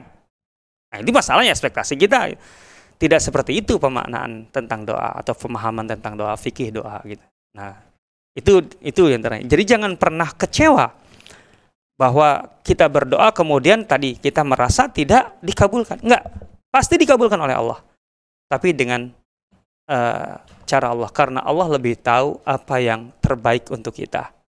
Bahwa doa itu kita itu pasti diterima oleh Allah, pasti dikabulkan oleh Allah dan diberikan yang terbaik untuk kita, tapi bentuknya apa? Allah lebih tahu. Kan gitu. Jangan pernah putus asa dengan doa. Jangan pernah berhenti berdoa gitu. Berdoa itu termasuk ibadah yang paling disukai Allah Subhanahu wa taala. Allah itu paling suka diminta. Itulah paling suka diminta. Beda dengan makhluknya manusia. Kalau diminta tuh gimana gitu rasanya. Tadi pertanyaan yang kedua saya kok agak luput ya pesannya apa ya? Uh, Dokter Devi. Mohon dibuka dulu, di unmute dulu. Dokter Devi di unmute dulu. Ya, bagaimana mengelola hati agar ah. sedihnya tidak berlarut-larut, Nah, tadi saya sedikit menyinggung bahwa ingat ketika kita baca Bismillahirrahmanirrahim. Asma Allah yang paling sering disebut setelah kata Allah itu adalah Ar-Rahman dan Ar-Rahim. Bahwa hakikatnya kehidupan kita ini semua semua yang terkait dengan kehidupan kita ini adalah manifestasi rahmah atau kasih sayang dari Allah orang yang sedih berlarut kalau orang orang eh, yang sedih bersedih sebagai reaksi gitu terhadap satu masalah wajar tapi berlarut-larut gitu ya sedih berlarut ini pertanyaannya apa yang kamu sedihkan? Gitu loh. Kehilangan sesuatu gitu. Uh, atau ya mm, tertimpa musibah tertentu atau apa pun. Nih kalau contohnya contohnya. Kita kehilangan sesuatu, ditipu kah, kerugian kah, atau ya kehilangan apa pun lah bentuknya. Pertanyaan begini, apakah sejak lahir sesuatu yang kemudian hilang dari kita itu sudah menjadi milik kita? Paham itu? Contohnya kita kehilangan kendaraan. Kapan sih kendaraan itu jadi milik kita? Oh, lima tahun yang lalu saya membelinya. Pertanyaannya, sebelum lima tahun itu, itu milik siapa? Ya yang jelas bukan milik saya. Saya tidak memiliki itu sebelum lima tahun itu. Artinya, dulu Anda tidak memiliki itu, kemudian Anda memilikinya. Berarti barang itu pernah pernah tidak berada di tangan Anda. Lah sekarang kembali tidak ada di tangan Anda. Masalahnya apa? Yang itu. Ah, seperti mengulang aja. Artinya sebagaimana dulu Anda tidak punya kemudian menjadi punya, setelah kehilangan pun apa susahnya untuk punya lagi? Siapa yang memberi? Nah, ketika kita ingat, dulu ketika tidak punya, sebenarnya siapa yang memberi? Ketika, kalau kita memaknai syukur, nah itu dia. Memaknai syukur. Syukur itu kan mengakui pertama kali langkah syukur itu mengakui bahwa setiap nikmat yang kita uh, terima sumbernya adalah Allah. Saya dulu tidak punya. Karena Allah memberi maka saya menjadi punya. Sekarang saya tidak tidak menjadi tidak punya lagi karena hilang kehilangan. Ya sudah minta lagi kepada yang memberinya kepada Allah. Kenapa harus berlarut-larut sedihnya? Tahu dulu juga saya tidak punya, kemudian menjadi punya. Ketika sekarang saya kehilangan, kehilangan ini bobotnya pahala sebenarnya. Bahkan bisa jadi itulah cara Allah untuk menggantikan kita yang lebih baik gitu. Anggap saja kalau kehilangan apa namanya uh, handphone lama itu, ah itu artinya Allah apa namanya mau memberi rezeki handphone yang baru kan gitu aja udah. Atau kalau kemudian uh, kehilangan mobil gitu. Ya Allah mau memberi mobil yang baru. Tahu dulu juga yang memberi Allah kan. Ketika kita memang menggunakan pendekatan syukur, saya rasa saya rasa tidak akan kecewa berlarut-larut, tidak akan sedih berlarut-larut. Itu di, di situ yang harus kita uh, pahami dan kita jadikan acuannya itu patokannya. Allah taala alam. Jazakallah Ustaz mudah-mudahan kita bahagia terus ya Ustaz ya. Enggak ada alasan untuk tidak bahagia. tidak ada alasan bagi muslim ya Ustaz ya. Iya, betul. Nah, Ustaz ini tentang rumah tangga Rasulullah ya. Iya, baik. Ustaz, bagaimana cara Rasulullah mencari solusi dalam konflik rumah tangga? Yang kedua yang ah. agak berkaitan juga, Ustadz, bagaimana sebaiknya, sebaik-baiknya cara seorang wanita menempatkan diri sebagai istri dan ibu di rumah tentang uh rumah tangga Ustadz. Jadi okay. yang pertama tentang konflik, bagaimana solusinya? Nah. Yang kedua sebagai istri dan ibu. Ya konfliknya apa dulu? Ini kan konfliknya macam-macam. Artinya kalau konflik itu dalam batas-batas yang sebenarnya ya riak-riak wajar. Kan Rasulullah ini masalahnya kalau karena yang ditanya tentang uh, bagaimana kehidupan Rasulullah. Ya dari awal saya saya harus uh, apa namanya uh, bingkai dulu ya. Rasulullah kan istrinya banyak ya, gitu ya. Uh, soalnya ini, ini kadang-kadang jadi sensitif ini. Rasul kan poligami yang jelas gitu kan ya. Artinya di antara persoalan rumah tangga Rasul karena poligaminya itu kan gitu. Gitu. Itu maksudnya. Ini bukan berarti kemudian ngajari bapak-bapaknya, enggak juga gitu. Ingin ngasih tahu aja, beda kalau ngasih tahu dengan ngajari. Jadi Rasul itu kan di antaranya konflik itu karena itu antar istri gitu. Nah, intinya intinya kan kecemburuan. Intinya kecemburuan. Cemburu itu pada dasarnya tidak salah cemburu itu bukan dosa pada dasarnya. Makanya Rasulullah SAW tidak pernah melarang istrinya cemburu dengan istri yang lain gitu ya. Karena cemburu itu bukan dosa. Kalau cemburu dosa, dosa dari awal Rasulullah pasti akan melarang istri-istrinya untuk cemburu. Enggak boleh cemburu karena itu dosa. Tapi ketika kita tahu bahwa antara istri Rasulullah SAW suka ada pergesekan gitu loh. Ini kan berarti karena cemburu. Jadi cemburu pada dasarnya bahkan cemburu itu positif pada dasarnya. Karena cemburu itu ya wajar ya, ada ada apa istilahnya rasa memiliki lebih gitu ya. Kan otomatis lah setiap istri itu e, merasa ingin dirinya adalah yang nomor satu. Wajar aja, wajar aja. Itu manusiawi gitu loh manusiawi. Ingin e, ingin e, merasa bahwa dirinya itu yang paling oh. dicintai gitu loh. Itu wajar kan? Masa enggak sih gitu ya. Uh, sehingga pernah antara beberapa istri Rasulullah itu pernah ada gesekan, tapi tadi dasarnya cemburu, dasarnya cemburu. Maka ketika ada dasar cemburu Rasulullah santai, Rasulullah tuh nggak baper gitu loh. Jadi pernah satu ketika begini, Rasulullah sedang di rumahnya Aisyah, di rumahnya Aisyah, menerima tamu. Gitu, ada beberapa orang tamunya, lumayan banyak. Nah, kemudian istrinya yang lain yaitu Ummu Salamah tahu ada tamu di rumah Aisyah, tamu Rasulullah SAW, dan tahu bahwa Aisyah tidak punya cukup makanan untuk dihidangkan kepada tamu, gitu loh, gitu loh. Eh, sehingga apa? Ya wajar membantu dia. Jadi dia menyuruh pembantu rumah tangganya, gitu, pembantu rumah, untuk mengantarkan makanan ke rumah Bunda Aisyah.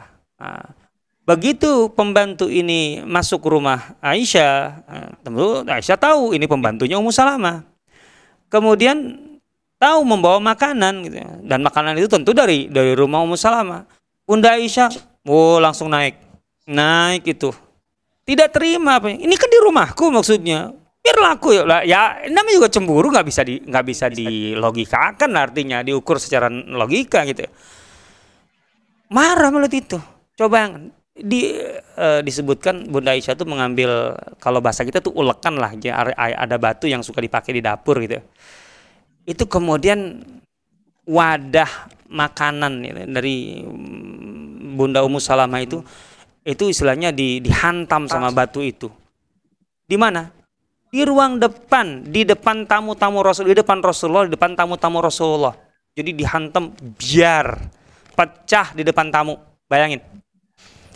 Coba kalau seorang presiden istrinya kemudian melempar piring depan tamu negara, perasaan kayak gimana gitu. Itu kayaknya jadi headline itu. biar hancur. Rasulullah tahu ini cemburu aja gitu loh. Apa yang terjadi? Rasulullah kemudian menyuruh pelayan di rumah Aisyah, ambilkan dua wadah dari dapurnya Aisyah. Yang satu diserahkan ke pembantunya Ummu Salamah, bawa pulang ini sebagai pengganti, gitu ya. Kemudian Rasulullah SAW mengambil yang satunya lagi. Kemudian beliau jongkok memungut, kemungkinan itu kurma, memungut kurma yang terserak. Sambil ngomong ke tamu-tamunya, ini keterangannya nih, klarifikasinya ini. Gharat ummukum, ibu kalian cemburu. Kulu, makanlah. Asik banget ya. Hanya gitu tuh pernyataan Rasulullah SAW. Gharat ummukum, ibu kalian, Aisyah maksudnya kan istri Rasulullah itu kan adalah ibu bagi semua orang beriman. Wa zuwajuhu ummahatuhum. Jadi menjelaskan itu ibu kalian. Jangan kalian anggap macam-macam ya dengan kelakuannya. Itu ibu kalian. Kalau ibu tuh harus dihormati. Kan gitu sama dengan itu. Gharat ummukum. Dia cemburu. Kulu, makanlah Rasulullah sendiri. Rasul nggak nggak kemudian Aisyah ambil ini dan tahu orang lagi cemburu lo ngapain juga gitu loh. Ya Allah ya Rabbi segitunya. Itu contohnya begitu. Maka harus makanya tadi konflik itu dalam masalah apa dulu? Masalahnya prinsipil atau tidak prinsipil. Kalau masalah-masalah prinsip berarti harus ada ilmu yang lebih uh, kuat mendalam gitu loh. Tapi kalau masalahnya sekedar masalah perasaan, masalah apa, dibuat santai sajalah. Rasulullah SAW tidak tidak canggung, tidak bingung, tidak apa gitu ketika menghadapi kondisi seperti itu dan berbicara sangat singkat dan padat sekali. Cukup dengan kata gharat ummukum ibu kalian. Ibu kalian artinya hormati dia. Jangan kalian apa-apakan ya, dengan tindakannya tadi. Dia sedang cemburu, maka makanlah. Nah, itu masalah. Sekali lagi kalau masalah konflik tergantung persoalannya apa kalau memang itu biasanya Ustaz ini tentang monogami lah, tentang suami dan istri berkonflik. Itu. Lah ya, ya esensinya eh. tadi, esensinya tadi. Ini konflik ini dalam masalah-masalah yang sifatnya uh, apa namanya? Kan kadang-kadang konflik itu masalahnya masalah sepele gitu. Dari mulai pengen ganti spray kan gitu ya. Kan itu masalah sederhana, kan bisa jadi itu juga jadi konflik dari ingin ganti spray gitu. Spraynya pengen bunganya yang kayak gimana gitu, suaminya nggak setuju. Bisa jadi kan ke mana-mana merembet itu. Yang kayak gini mah jangan terlalu diseriusin gitu loh artinya uh, artinya dengan dengan dengan uh, dengan istri ini kepada para suami itu. Dengan istri itu sebisa mungkin uh, jangan terlalu serius bawaannya gitu ya. Uh, dibuat suasananya serelax mungkin.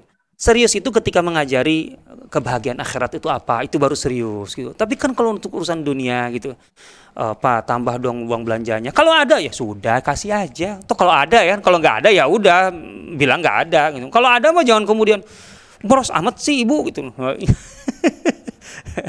yang kayak gitu kan semua sederhana saja kan. Ah, nah itu contohnya seperti itu ya. Lebih kepada masalah prinsip konfliknya apa gitu loh. Ah, itu itu gitu. Kalau memang itu kemudian terkait dengan masalah prinsip ada bobot-bobot yang berat kemudian ilmunya rendah nah maka uh, ketika tidak ada titik temu Al-Quran mengatakan fab'asu hakaman min ahlihi hakaman min ahliha. Ayo sepakati ketika tidak menemukan titik temu gitu ya antara suami istri yang konflik gitu. artinya ini sudah tidak bisa lagi diatasi berdua yes oke okay. tarik orang ketiga dengan cara mewakilkan masing-masing mewakilkan kepada orang yang bisa dipercaya dari keluarga masing-masing dan itu artinya apa nanti orang ini yang akan menyerap permasalahannya dan akan berunding. Hasil dari rundingan itulah yang harus diterima secara lapang sebagai hasil musyawarah gitu oleh pasangan suami istri. kalau pada dasarnya tidak mau menerima juga ya berarti dari awal memang tidak mau rukun itu mah gitu. Kalau tapi tapi ketika memang niatnya ingin rukun cuman nggak punya titik nggak nggak nggak nggak nggak apa namanya nggak nggak menemukan titik temu tadi maka panggillah orang luar dalam arti untuk menjadi hakam pengadil mm, perwakilan. Tapi dengan niat apa pun yang mereka putuskan kita terima dengan lapang dada. In yurida islaha selama suami istri yang konflik itu memang pada dasarnya ingin ingin rukun rujuk dalam arti ingin uh, damai kembali gitu ya. Kalau memang yang dicari itu kedamaian, masing-masing niatnya yuwaffiqillahu bainahuma, pasti akan ada titik temu. Pasti Allah akan mempertemukannya kembali, gitu ya. Tapi kalau dari awal pada dasarnya tidak tidak mau ada titik temu, ya memang susah mau memanggil orang e, dari luar sekalipun, gitu ya. Ini harus kembali kepada kematangan e, mental, sikap dan kedalaman ilmu. Itu intinya. Kalau memang masalah-masalah prinsipil. Kalau masalah yang tidak prinsipil, dibuat santai saja, dibuat santai saja. Katanya masalah apa pun, katanya sih, ini katanya, masalah apa pun bisa mudah selesai kalau diajak belanja, katanya sih. Saya benar enggaknya mungkin ya tergantung masing-masing. Coba aja diterapkan. Kalau memang iya bisa, ya coba aja. Kenapa tidak sih? Itu loh. Untuk kebaikan. Betul nggak ibu-ibu?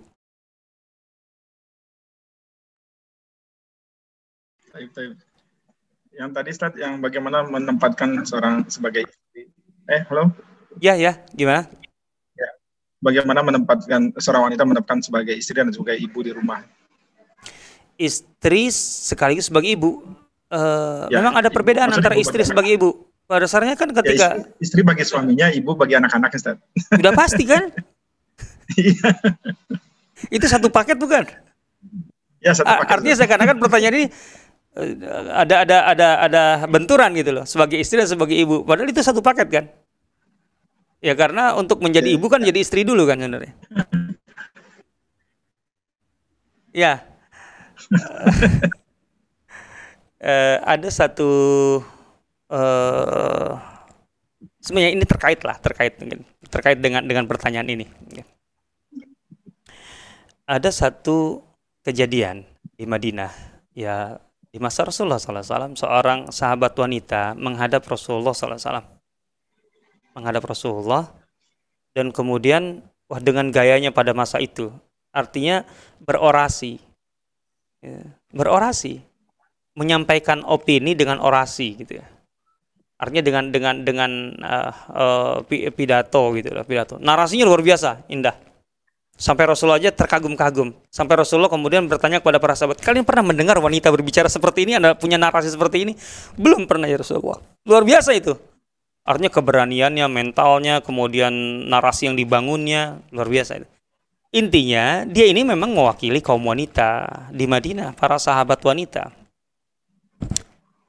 Dimulai dari begini, eh, ya, eh, intinya dulu, intinya itu mereka menuntut, gitu ya, menuntut disamakan apa? Disamakan kewajiban bukan disamakan hak itu karena dalam dalam konsep Islam sebenarnya eh, masalah itu adalah kewajiban bukan hak gitu.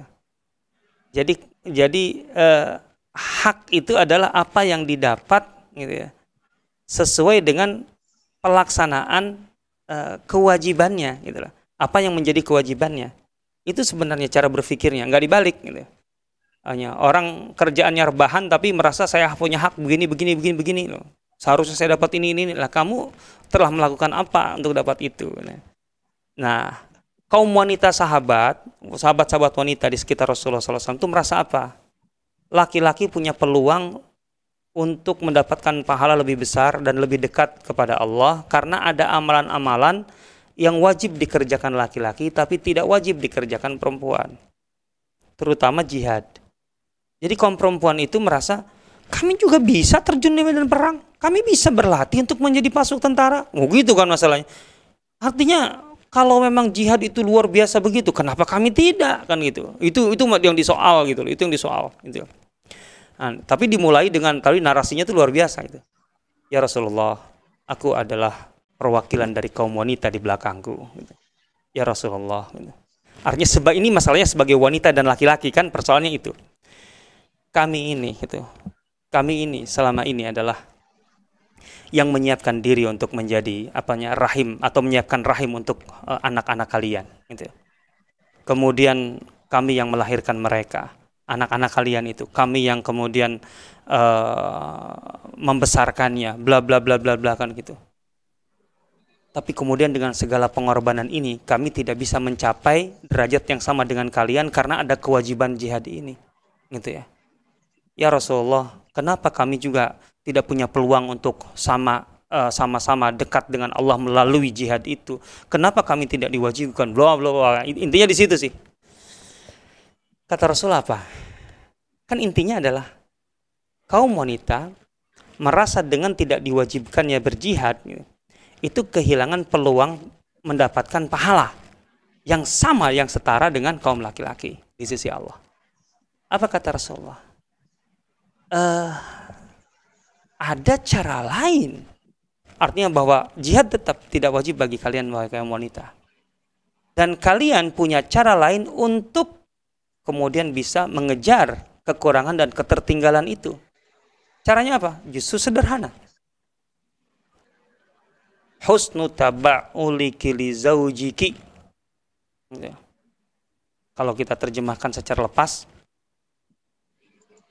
bagaimana kalian wahai kaum wanita bisa menempatkan diri sebagai sebaik-baiknya istri bagi suami kalian?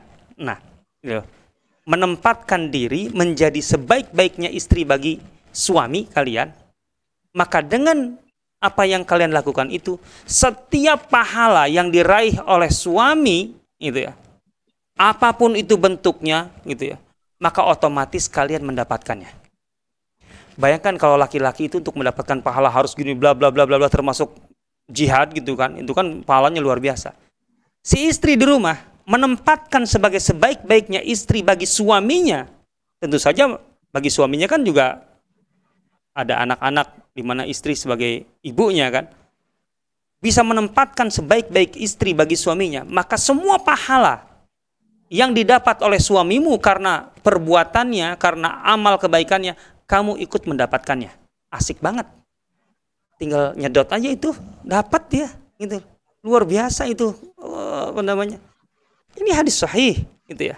Rasul mengatakan itu. Betapa kemudian sebenarnya bahagia betul ya kaum wanita itu sebenarnya dengan begitu bapak-bapak kita tertantang nih jadi ibu-ibu dorong bu suami itu dorong kalau melakukan kebaikan itu jangan yang tanggung-tanggung jangan yang kecil-kecil pahalanya dikit dorong suami untuk mengerjakan pahala yang hebat yang besar-besar pa wakaf pa dengan wakaf itu kan pahalanya mengalir kan dia kebagian dapat pahalanya walaupun dia wakaf suami nggak mesti harus dia yang wakafnya nggak nggak mesti harus istri yang wakaf dorong aja suami Kemudian ibu menempatkan diri menjadi sebaik-baiknya istri bagi suami.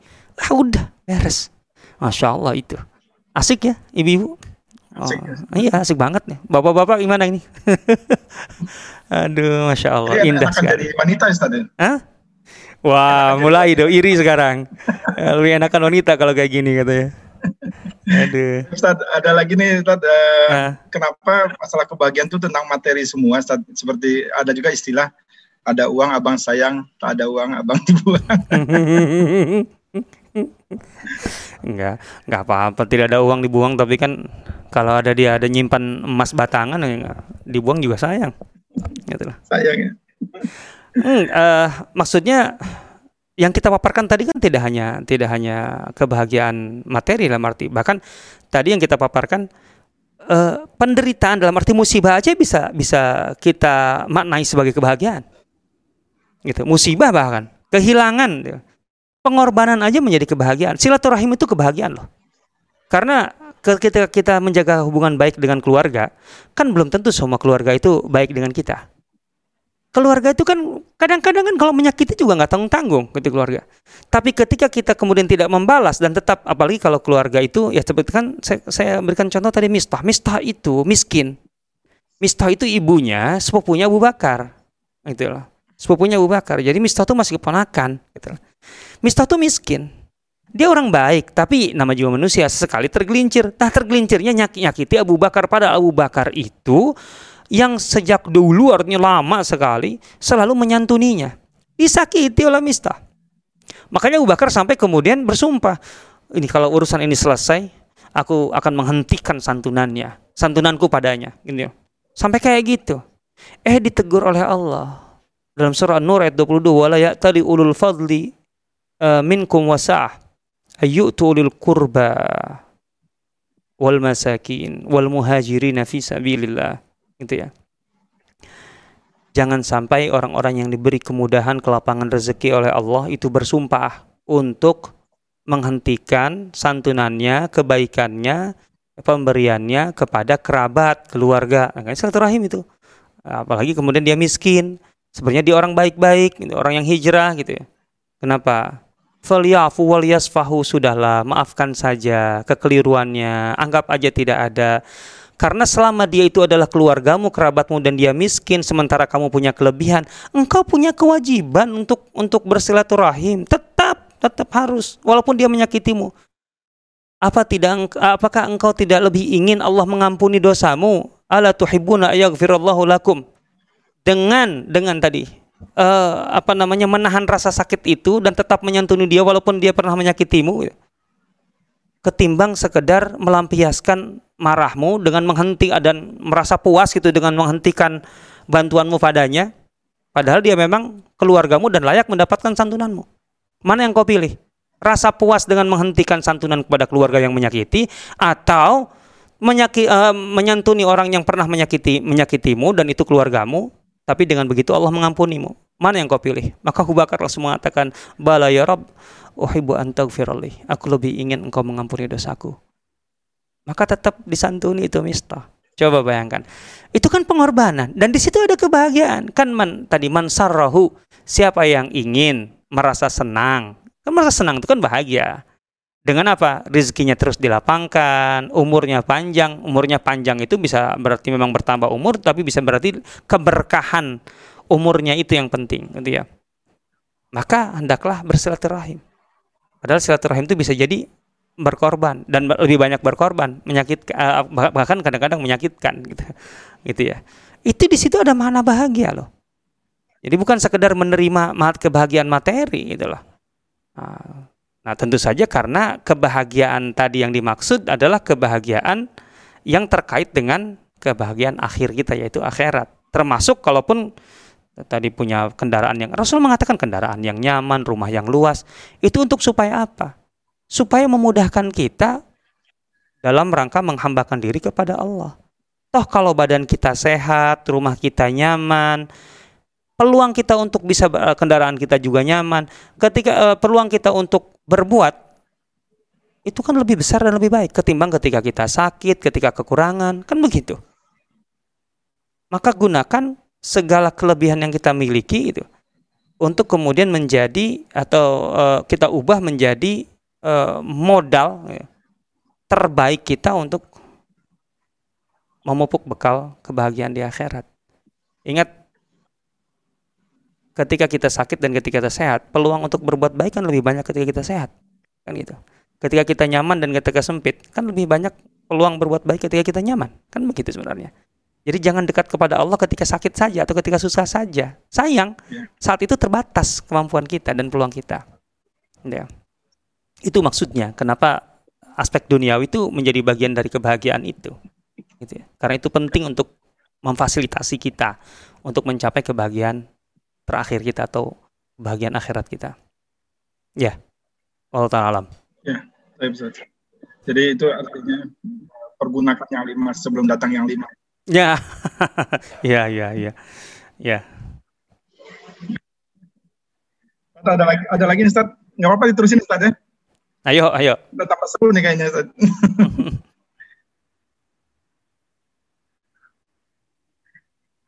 Ustaz, Allah Subhanahu wa taala dapat membolak-balikan hati manusia. Oke. Okay.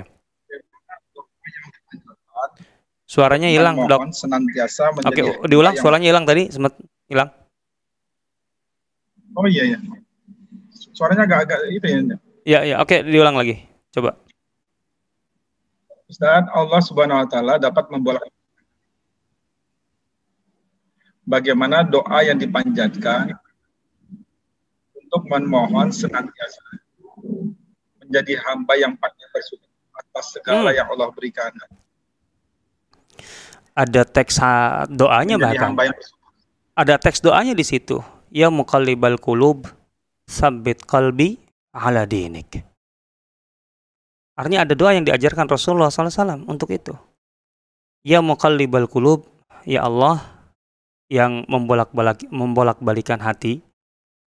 Karena Rasulullah sendiri menyatakan innal innal uh, qalba atau innal quluba baina asabi'ir rahman yuqallibuhu kaifa yasha. Hati manusia itu uh, artinya ada di tangan Allah gitu ya.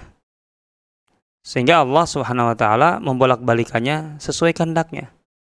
Jadi memang manusia itu uh, sulit mengendalikan hati. Pada dasarnya manusia tidak memiliki hatinya gitu. Ya.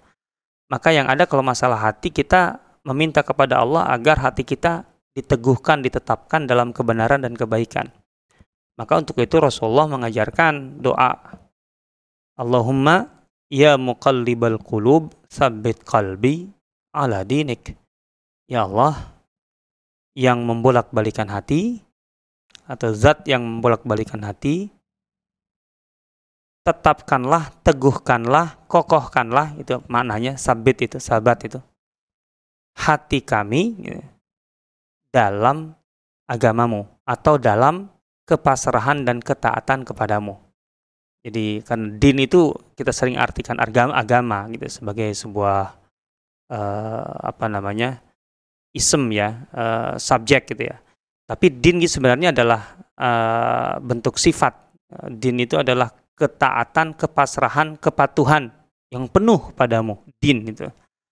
Sabit kalbi ala dinik gitu. Jadi apa pun yang terjadi pada hatiku tidak lepas dari kepasrahan kepadamu kan dengan begitu indah gitu apa pun yang terjadi di hati jadi ketika kita ada masalah sekalipun kita tidak keluar dari koridor kepasrahan kepada Allah Subhanahu wa taala. Doa itu kita ucapkan terus-menerus sebagai doa gitu ya. Tentu saja selain doa kita harus uh, istilahnya ngelmu. Kita harus tahu ilmu tentang amalan hati gitu ya. Hati itu punya amalan. Sebagaimana fisik kita, amalan fisik kan banyak, amalan fisik ya. Sholat kan ada amalan fisik ini. Jelas kelihatan sekali amalan fisik. Haji amalan fisik. Tapi hati itu punya amalan. Ya amalannya apa? Yaitu ikhlas gitu ya. Kemudian qanaah, kemudian husnuzon kepada Allah. Itu amalan hati semua, itu ridho gitu ya. Kemudian apalagi eh tawakal, itu amalan hati. Ilmu tentang amalan hati itu perlu sehingga di situ kita menjaga agar hati kita terus uh, kokoh dalam kebenaran, dalam kebaikan, dalam ketaatan kepada Allah Subhanahu wa taala. Ya sebagai amalan ya doa tadi itu, Allahumma ya muqallibal qulub, sabbit qalbi ala dinik. Ini. Ustaz, baik Ustaz. Uh, ada lagi nih Ustaz. Ya. Uh, sering banyaknya kajian tentang akhir zaman, mm -hmm. banyak orang beranggapan bahwa dunia bukanlah hal yang penting lagi sehingga harus fokus saja pada hari akhirat termasuk dalam mengarahkan pendidikan anak tren menyolahkan anak sekolah ke sekolah tafis dan sebagainya apakah yang seperti ini tepat adanya Ustaz?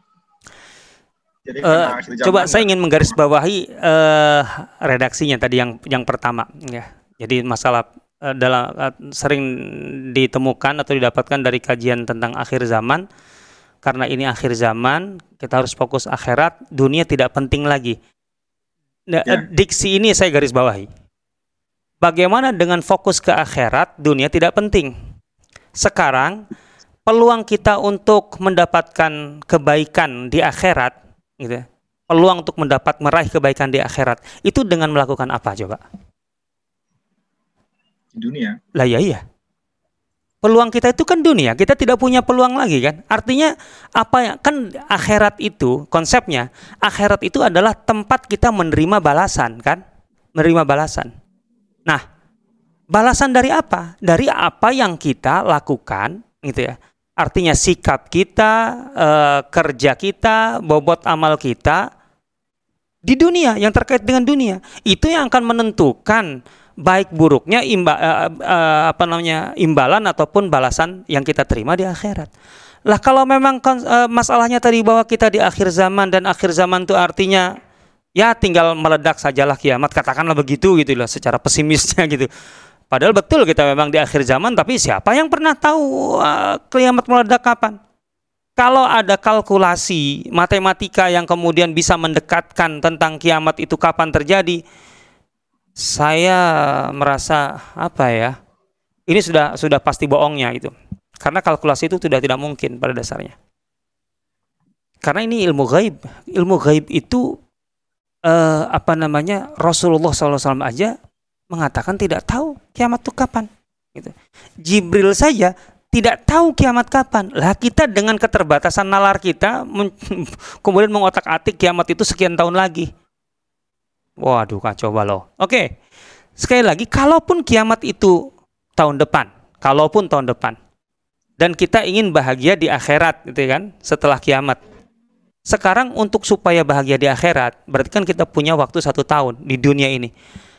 Nah, apa yang kita lakukan di dunia inilah yang akan menentukan kebahagiaan kita di akhirat. Ya kalau kita memang fokus untuk kebahagiaan akhirat, ya tanamlah amal baik di dunia sebaik mungkin. Makanya pergunakanlah sisa waktu yang kita miliki itu untuk melakukan amalan-amalan yang bobotnya bukan lagi ordinary tapi extraordinary. Dari sedekah ke wakaf, Gitu contohnya kayak gitu. Karena itu pahalanya lebih tinggi, contohnya, pahalanya lebih tinggi. Lah untuk bisa wakaf, berarti Anda harus punya harta. Kalaupun harus punya harta, berarti ayo bisnis, ayo bekerja, kumpulkan uang dengan tentu cara yang halal sebanyak-banyaknya agar bisa berwakaf sebanyak-banyaknya. Gitu loh. Dengan cara itulah Anda kemudian bisa uh, berharap akan mendapatkan balasan yang terbaik di akhirat. Kan begitu. Lah, bagaimana berpikir ingin fokus ke akhirat dalam arti mendapatkan balasan terbaik di akhirat sementara sudahlah kita tinggalkan terus di dunianya kita ngapain? Waktu itu kita dengan rebahan? Gimana? Ini kontradiktif sekali. Dunia di dunia rebahan dalam arti tapi ingin fokus ke akhirat.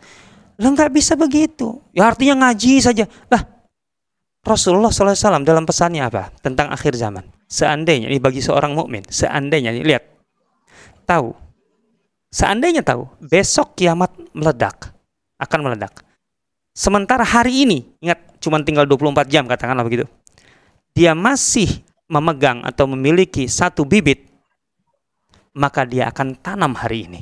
Loh, Rasulullah nggak mengatakan kalau seorang bermumin tahu kiamat meledak besok, maka tinggalkan semuanya ambil sejadah baca Quran sebenarnya bahwa seorang mukmin baca Quran itu nggak perlu menjadi sesuatu yang apa namanya itu memang sewajarnya seorang mukmin baca Quran kan?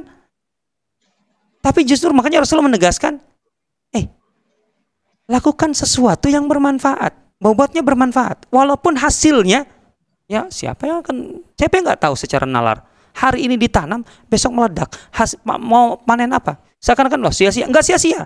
Karena bobotnya ada apa yang kamu tanam apa yang kamu kerjakan gitu loh. Di situ bobotnya. Gitu ya. Bahwa sekecil apa pun waktu yang dimiliki, saya akan mengisi waktu itu dengan sesuatu yang berbobot, bermanfaat, gitu ya. Dan itu bukan hanya baca Quran. Rasulullah menggambarkannya dengan menanam apanya? Uh, benih gitu ya. Coba bayangkan ya. Itu dia. Jadi nggak harus anak kita harus ikut tahfiz 30 juz gitu. Kalau masalah tahfidz ya tahfidz aja. Tetapi dengan tahfidz itu bukan berarti kemudian tahfidz aja nggak perlu kemudian pertanian, nggak perlu ya menurut saya kenapa jadi begini gitu? Artinya eh, kan kan tahfid itu bahkan sebenarnya kan tahfid itu kan tidak berbenturan dengan dengan untuk menjadi insinyur untuk menjadi dokter kan nggak bertentangan kan gitu ya. Yeah. Nah, tapi ini dimulai dari masalah saya agak mengkhawatirkan dengan pengajian-pengajian akhir zaman ini karena terlalu berani, kebablasan sebagian. Sampai kemudian bisa memprediksi itu atau sampai kepada dugaan berapa tahun lagi gitu loh. Iya, katanya umur umat Islamnya cuma 1500 tahun ya, Kalau itu jadi ukuran kiamat dari awal juga semua orang tahu kiamat itu kapan, tapi nggak pernah para ulama kita sepanjang sejarah menyebutkan bahwa kiamat itu di tahun 1500 dari usia umat Islam. gitu loh. Usia umat eh, kiamat itu bukan hanya umat Islam, tapi kan semuanya pada dasarnya. Nah, berarti kalau begitu 1500 tahun berapa tahun lagi? 50 58 tahun lagi. Berarti kira-kira tahun berapa kalau 50 tahun 58?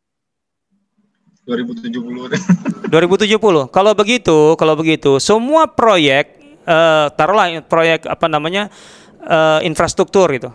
Jangan dibangun dengan uh, apa namanya uh, untuk uh, untuk bertahan 100 tahun, rugi. Karena bahannya lebih mahal dan lain sebagainya gitu ya.